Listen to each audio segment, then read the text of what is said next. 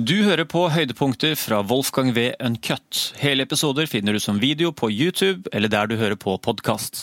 For å ta to sekunder om han, da, så er Taleb en, en eh, libanesisk født amerikansk eh, ja, litt sånn forretningsinvestor og senere forfatter. da. Mm. Og eh, en av de tingene som vi sikkert kommer tilbake til her, som et land jeg er veldig glad i, er Libanon. Og et fucka, men vidunderlig land, på en måte. Og uh, Taleb er jo Han har jo sagt at Black Swan Ideen om at liksom den svarte svanen som vi ikke forutser, men som snur alt opp ned At mye av det er også hans egen erfaring fra Libanon. da. Mm. Han sier jo det i starten av Black Swan. altså sånn jeg eh, Da Libanon, borgerkrigen begynte i 1975, så sa alle ja, over i løpet av ti dager. Det varte i 15 år. Mm. Samme som liksom første verdenskrig. ikke sant? Sånn, ja, ja. Vi drar og går ut i felten og denger tyskeren, liksom. Og så ligger man i skyttergravene i Flandern i fire år og dør, ikke sant. Mm. Som andre ord, da, det er helt umulig å forutse sånne ting. Og på en annen måte så er, etter min mening, eh, skillet mellom ekstremistan og mediokristan det er et sånn nøkkelmåte for å forstå måten han tenker på. Og måten man kan begynne med å si hva er egentlig dette her, da sier han at jo, se for deg at du har 1000 mennesker i et rom. Og så kommer verdens feiteste mann inn i det rommet. Hvor mye går gjennomsnittsvekten opp i det rommet da? Det går opp 0,5 kilo. ikke sant? Mm. Ingenting, nesten. Selv om han er helt jævlig feit, han som kommer inn. så, ikke sant? Av andre Da sier han det, den logikken, den følger eh, såkalt mediokristan. At ett ekstremt tilfelle gir ikke ekstreme utslag. Mm. Men så kan vi si, hva skjer eh, hvis du har de samme 1000 menneskene i et rom? Eh, et gjennomsnittlig utvalg, så kommer eh, Elon Musk inn i rommet. Hvor mye går gjennomsnittsformuen opp da? Da går den opp hva vet jeg, 10 000 ganger. Altså enormt mye. Og det er selvfølgelig poenget. At, eh, at, eh, at det der, det er det han kaller ekstremistan-logikken. Altså at ett eneste tilfelle kan gjøre et ekstremt utslag. Mm.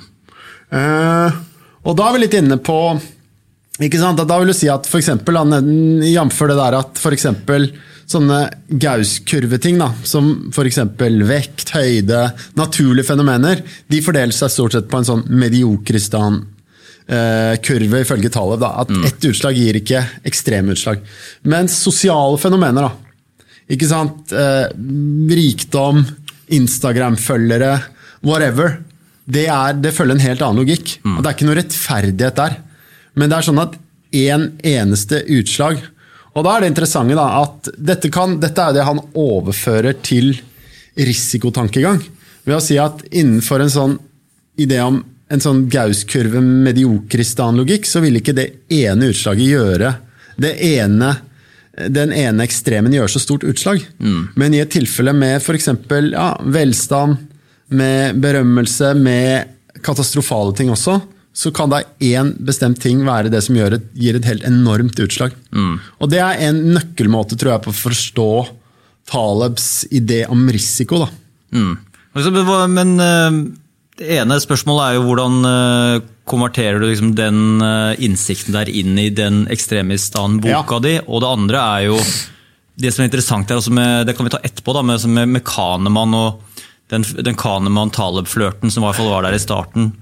Eh, hvordan det her også crosser opp på det militære tankegangen med det her med at selv om det er en veldig liten nedside, så er det på en måte vi kan sikkert gå inn i den der og ta den kampen der eller ta det oppdraget der, men nedsiden er enorm hvis vi feiler. så det er sånn, sikkert noen beslektede temaer der med tanke militært sett? Da, sånn, ja, og på mange ting. Altså, jeg har lyst til å, Siden vi er i et uh, forum der vi kan snakke litt fritt, og sånn, så jeg vil jo tenke at sånn, Første, jeg gjerne skulle sett, jeg skal komme tilbake til innvandring og, og det flerkulturelle om et øyeblikk, men ja. en ting jeg gjerne skulle sett, er jo å tolke f.eks. si klima da, innenfor dette her. Mm. Ikke sant? Er det fordi Klima er utgangspunktet noe som følger en medioker standlogikk, så vidt jeg kan bedømme. Jeg er ikke noen ekspert på det, eh, og har ikke skrevet noe om det og har ikke noe peiling annet enn jeg bare leser i avisa.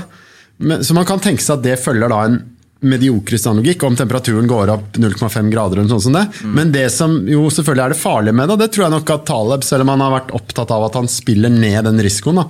men det jeg vil tro at han på et eller annet tidspunkt vil kunne være enig i, er at konsekvensene av f.eks. en klimaendring vil kunne plutselig følge gå altså Om temperaturen stiger, den vil stige gradvis. Den vil ikke stige ekstremt, bortsett fra de helt bisarre modellene. Men det som kan skje, er selvfølgelig at det kan være konsekvenser som følger ekstremistanslogikk. Da. Plutselig en dag så er det 50 millioner indere som ikke har vann, eller hva vet jeg. liksom.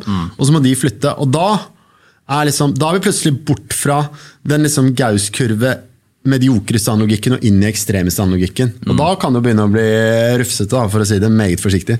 Men tilbake til det du spurte om, om, eh, om, eh, om, eh, om det flerkulturelle. Jo, det jeg da begynte å se, var at Og verdt å nevne når er det boka kom ut? ja, jeg skrev en bok som het Ekstremistene, som kom i 2009 og ble mye debattert. og Mange var sure på den. da. Hvis jeg googler, da jeg googlet deg i sted, så er det stort sett det, nesten det som kommer opp eh, fra den tida der. 2008-2010. hvor det var mye, Da var det mye mye moro. Et godt poeng her, så jeg må ta etterpå, forresten. Ja, ja, nettopp. Vi kan Ja. komme med mye å si om det, men det var veldig, det var, jeg tror den ble litt viktig også. Mm. Hadde den den fordelen at den ble slakta både fra ytre venstre og ytre høyre. og Det var jo akkurat Drømmesituasjon. det. Var akkurat det det var, vet du. Så, men i hvert fall, så det var en bok. Men tesen der var at innvandring og det flerkulturelle gjorde Norge mer ekstremt på godt og vondt. Og der hadde jeg en del statistikk som kunne backe opp det. Som var på en måte sånn at innvandrere var representert av etterkommere innen de som gjorde det dårligst i utdanningsløpet, og de som gjorde det best.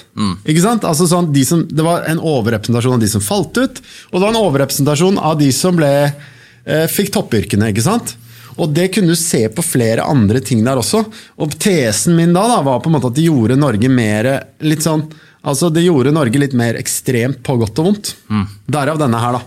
Så det var jo en sånn, det var jo også en, ja, så der er ekstremt i, i en litt sånn over, altså en direkte betydning. da. Og det gøyale da, jeg husker jo det, fordi, og det var jo også andre ting, for eksempel, ta opp sånne ting som da vil jeg i all beskjedenhet påstå var ganske ukjente ting. da, eksempel å si, hva er egentlig forholdet mellom sånn såkalt tillit, som veldig mange er opptatt av i Norge. Vi har så høy tillit i Norge. Vi stoler når myndighetene sier at vi skal ta vaksinen, så gjør vi det. ikke sant? Mens det gjør ikke rumenere, eller hva. Whatever. Og da var greia at det, og da, da, da brukte jeg et sånn idrettslag i Drammen til å vise at tilliten da kom under press hvis det ble for mye innvandring. Og det husker jeg veldig godt, fordi da husker jeg at jeg snakket med en sånn samfunnsforskere.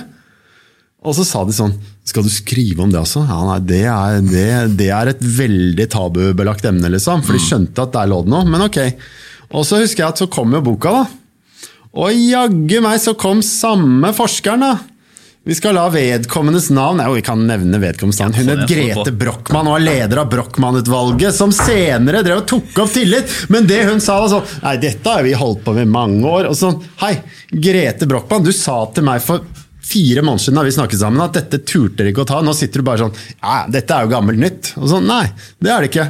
Og samme er sånn, og akkurat det samme, jeg husker også at sånn, det var veldig mye den derre litt sånn, Jeg hadde studert sosiologi og litt sånne ting. ikke sant?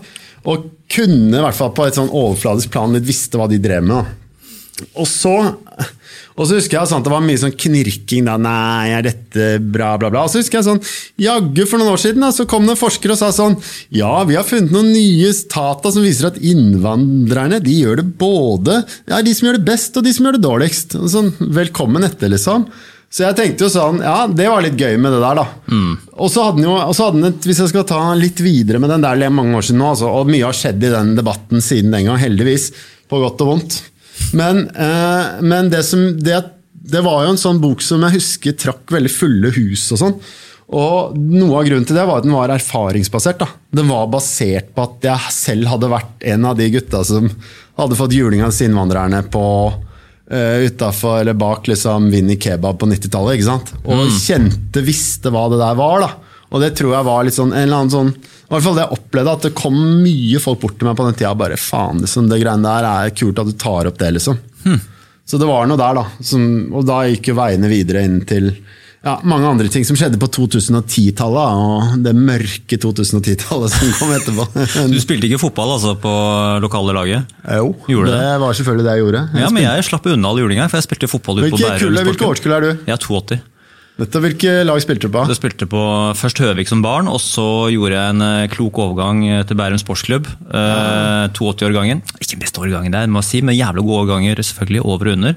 Men der var det jo, det var en sånn, egentlig sånn smeltedigel. Jeg vet ikke om de hadde en deal med kommunen også, hvor de tok inn veldig mye fra Bærum vest. Eh, Ja, ja, Det er liksom getto-Bærum, ikke sant? ja, ikke sant? Det er sånn rart, sånn Bærum vest og Bærum øst er nesten som Oslo vest og Ja, Oslo øst, bare Bare speilvendt, for de som måtte lure på det. Og da var det jo ble du venner med liksom hele, liksom på det hele spekteret. Alle skolene og Bærum er ikke så stort, og alle i årgangen kjente på en måte navnet til hverandre. sånn, Så det var liksom irakere, iranere, pakistanere og det liksom, Jeg tror jeg avverga et par sånne ransforsøk ut på, på noen sånne kvelder ute i Samvirka med kompiser, sånn, fordi jeg kjente disse fotballgutta. Da, så, så det var jo en liten digresjon der. men det... Ja, nei, og Jeg vet ikke hvor mye jeg skal ta Jeg kunne mimre om det masse, men greia var vel at det, det var noe Juling eh, det husker jeg fikk første gangen da jeg var tolv. Da var vi så små, da. Nei, men da ble vi rana bak uh, Tåsen senter. Altså, jeg, spilte først på Lyn og så på Skeid. Men, så men så etter hvert så roa det der ned seg. Da fikk man liksom litt sånn, visste man hvem man skulle snakke med. Dette var jo, men det er i hvert fall sånne type ting da, som jeg var opptatt av på den tida der. Men i hvert fall, så jeg tror at noe av det som gjorde den boka litt, hvert fall på den tiden litt viktig, var akkurat det der. da. Det at den hadde en eh, At den hadde en form for sånn eh, en, en, en blanding av sånn erfaringsnærhet om liksom hvordan dette føltes på kroppen, på godt og vondt. da. Hadde mange venner som hadde forskjellig bakgrunn og sånn òg. I tillegg til at eh, at vi var eh, At vi var eh, at vi var inne i, eh, i, eh, i, eh, i liksom Nasim Taleb og de der, liksom litt sånn, Hvordan kommer dette å gå på et mer sånn derre Finne litt sånn gøyale tenkere fra andre land. Da, prøve å legge det inn i en sånn norsk kontekst. Mm. Ja, sånn, er ikke det også på rundt den tida her hvor så hjernevask ikke helt på en måte samme tematikken, men samme skal vi si, eksplosive innholdet, da, som også som berøringsangstene var på liksom, jevnbyrdig Jo da, vis? og det er helt riktig. Og det er klart at både Harald Eia og han som gjorde gjerne oss sammen med Harald, da, Ole Martin Ile, Ja. Han studerte sammen med meg i New York og er en veldig nær venn av meg. Så vi hadde på en måte, vi satt jo litt der og var liksom faen, det er mye kult som er borte i USA. Hvorfor har vi ikke hørt om det på, liksom, på Blindern? Satt bare og, Da var vi veldig der, da. Så nå skal vi, da skal vi jaggu meg vise der slappfiskene her, liksom, hva som skjer, da. Det var sånn jeg tenkte på den tiden der. Så hjernevask var jo, det var jo monstersvært, men litt samme greia. Men når, hvor gammel var du da Ekstremistene kom ut? Nei, Det var 2009, jeg var 30-31 da. Ja. Hvor, robust sto du liksom i de debattene? Kjente du liksom på at du var trygg på materialet, at du var litt nervøs? at det var veldig sånn, du var... Eh, det er jo det er noe som på en måte ting du kan få litt angst av på en måte Og, eh, Litt etter tiden, da. Så noen ting nå så er det kanskje vanskeligere sånn der eksempel eh, å være en, en ganske hard koronakritiker midt under kanskje den første eller andre lockdown. Så det er veldig mange som vegra seg for å liksom ta de posisjonene og, og, og kaste seg ut i debatt der. Men var du ganske sånn kamplysten eh, på den tida der? Sånn Ja, jeg var jo veldig kamplysten, selvfølgelig. Men en blanding, da. Liksom sånn at man er både veldig tro på egne ferdigheter og Herlig. svak selvfølelse. men, eh, men jeg tror da altså sånn at Hvis du nevner korona og sånn, for jeg har tenkt det nå. Når jeg ser på litt hva, liksom, Nå er jo innvandringsdebatten Den går, surrer og går, men det er ikke der det brenner lenger. liksom. Der det brenner nå, er jo klima, og det er eh, ja, korona og de greiene der. Og det som jeg ser da det tenkte jeg hadde tenkt, å, tenkt litt på det når jeg kom hit. Sånn at Det syns jeg nesten er en Jeg tror vi kan se for oss en sånn situasjon der Altså Det man jo ser der, er at det fins en sånn veldig veldig sterk litt sånn naturvitenskapelig ekspertise som sier at sånn er det. Ikke sant? Enten det er eh, korona eller det er klima. og Hvis du utfordrer det, så blir du sett på som en total idiot. Og det fine med liksom, de der greiene som jeg vokste opp med å diskutere, som var sånn terrorkrig, innvandring, de greiene der, det var at det var, liksom, det var lettere å ha sin egen mening. Da. Det var ikke sånn, og det tror jeg, blitt, det tror jeg vi kommer til å se blir mye mye vanskeligere nå. Altså, du kan godt stå og utfordre Espen Nakstad eller eh, FNs klimapanel, og man burde gjøre det òg. Ikke fordi jeg er noen klimaskeptiker eller fordi jeg ikke tror på at korona fører til alvorlig sykdom. Man burde utfordre, for ingen vet de sosiale konsekvensene av disse greiene her. Det er spekulasjoner. Vi vet vi har noen modeller som stemmer i varierende grad, men klart vi må diskutere hva, hva slags ting, hva, hva dette betyr for samfunnet. Og det ser jeg nå en tendens til, at hvis man begynner å gjøre det, så er det vanskelig. Det var jo særlig da, ja, altså Jeg orker ikke snakke så mye om korona, det er ikke litt, det er så kjedelig, liksom. Men, Men deilig å være ferdig med det. Men, men, men altså, det var jo da. Det føltes veldig sånn, da sto du liksom og da følte jeg som han karen i Speakers Corner, liksom, som bare står og hitter med nevene. ingen bryr seg. liksom. Men hva Syns du, syns du det er enklere eller vanskeligere å snakke om eh, eh, I det skal vi si, eh, klimaspørsmålet så er det jo masse små mikrodebatter. Hva skal du gjøre lokalt, hva skal du personlig osv. Og, så er det jo så opp på makronivået igjen da, med strømeksport, energi. Skal vi stenge olja, skal vi eksportere ut? Jeg syns kanskje det er litt mer interessant å diskutere på makronivå, men det er også litt gøy å pirke borti alt det idiotiske vi gjør på mikronivå. er du med? Ja, ja, absolutt. Nei, men altså og, og ja, Hva gjør vi da, liksom? Altså, jeg har, noe, jeg har ikke noe gode svar på dette, men det jeg ser, da, ut fra at jeg har liksom lest min andel sånn Nasim Taleb eller etterretnings sånn, eh, filosofisk litteratur som handler om hva med framtiden sånn, det vi egentlig vet, er at vi intet vet om konsekvensene av disse her.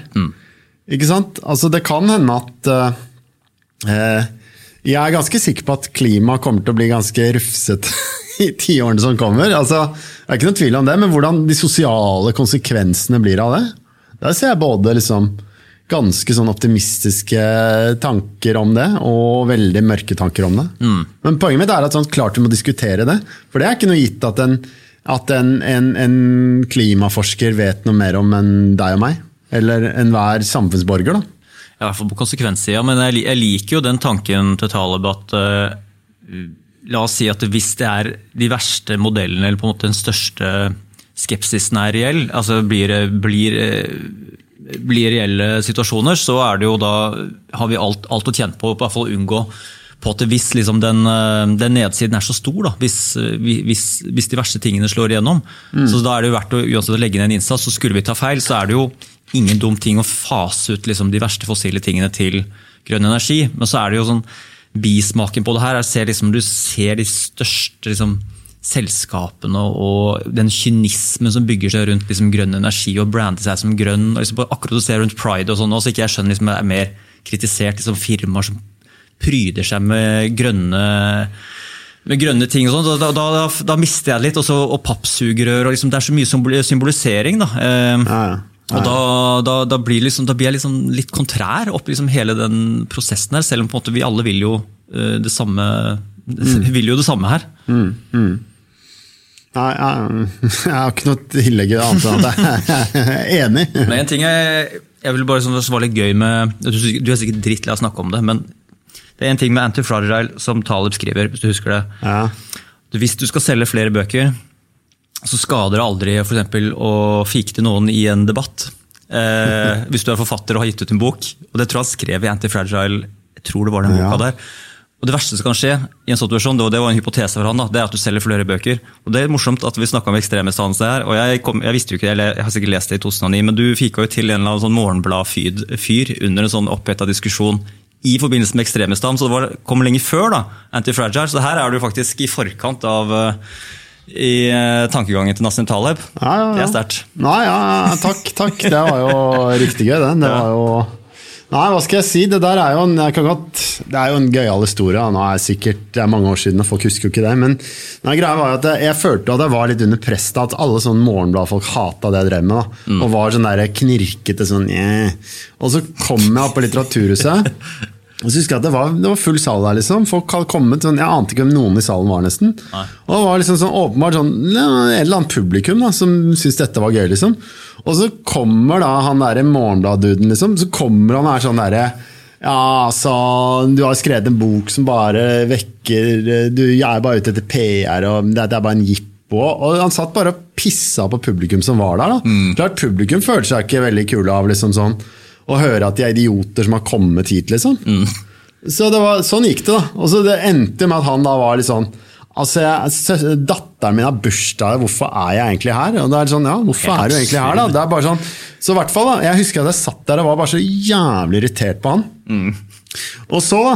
Men det rare med det, når du har sittet på scenen litt, da vet du at sånn, når du er på en scene, så er det en slags sånn disiplinerende. Og det er sånn der, det gjør et eller annet at du da du, du bare holder deg i skinnet på et vis. Og så husker jeg at når det greiene der var ferdig, Så jeg har jo alltid hatt et litt sånn temperamentsproblem. Fra, Du ser jo så snill ut, Aslak. Jeg, jeg, kan ja, ikke se ikke for meg. sant? Men det var mye greier da, i militæret og sånne ting. Men i hvert fall, så da eh, så husker jeg at jeg bare Så kommer han bort sånn som vi sitter nå, og bare Ja, da vil jeg takke for en hyggelig samtale og sånn. Så husker jeg at jeg var sånn derre Faen, så bare gikk jeg bort til ham bare Du er Faen, du er den verste jævla intervjueren jeg har hatt, liksom. Hva er galt med deg, liksom? Og han bare «Øh, øh, Hva skjer nå, liksom? Og så husker jeg at det bare, bare flomma oppi meg. Jeg bare, Hva er galt med det? Så bare, bare fika til ham med flathånda, liksom. Ja. Og han bare ble sånn Hva skjer nå, liksom? Han gikk i han, han, eh, hva var det? Fight or flight? Han flighta? Han ble bare stående. Han er freeze. Freeze, ja. Og det er den tredje. Den tredje ja. Det er verste, det, du. Det er faktisk det du ikke må gjøre. Ja, ikke sant? Han er ikke noe spesialsoldat, han er Morgenbladet-karen. Men i hvert fall, så var det eh, Men så husker jeg da videre var jo da at Så husker jeg at jeg kom ut, og du vet sånn du går, så kommer, kommer folk ut til den salen, liksom. Så kommer det en sånn dame bort til meg bare skulle stille meg en spørsmål. 'Hei, du, hva er greia der?' liksom. Jeg bare 'Ikke spør meg om noe, jeg er helt ute her', liksom.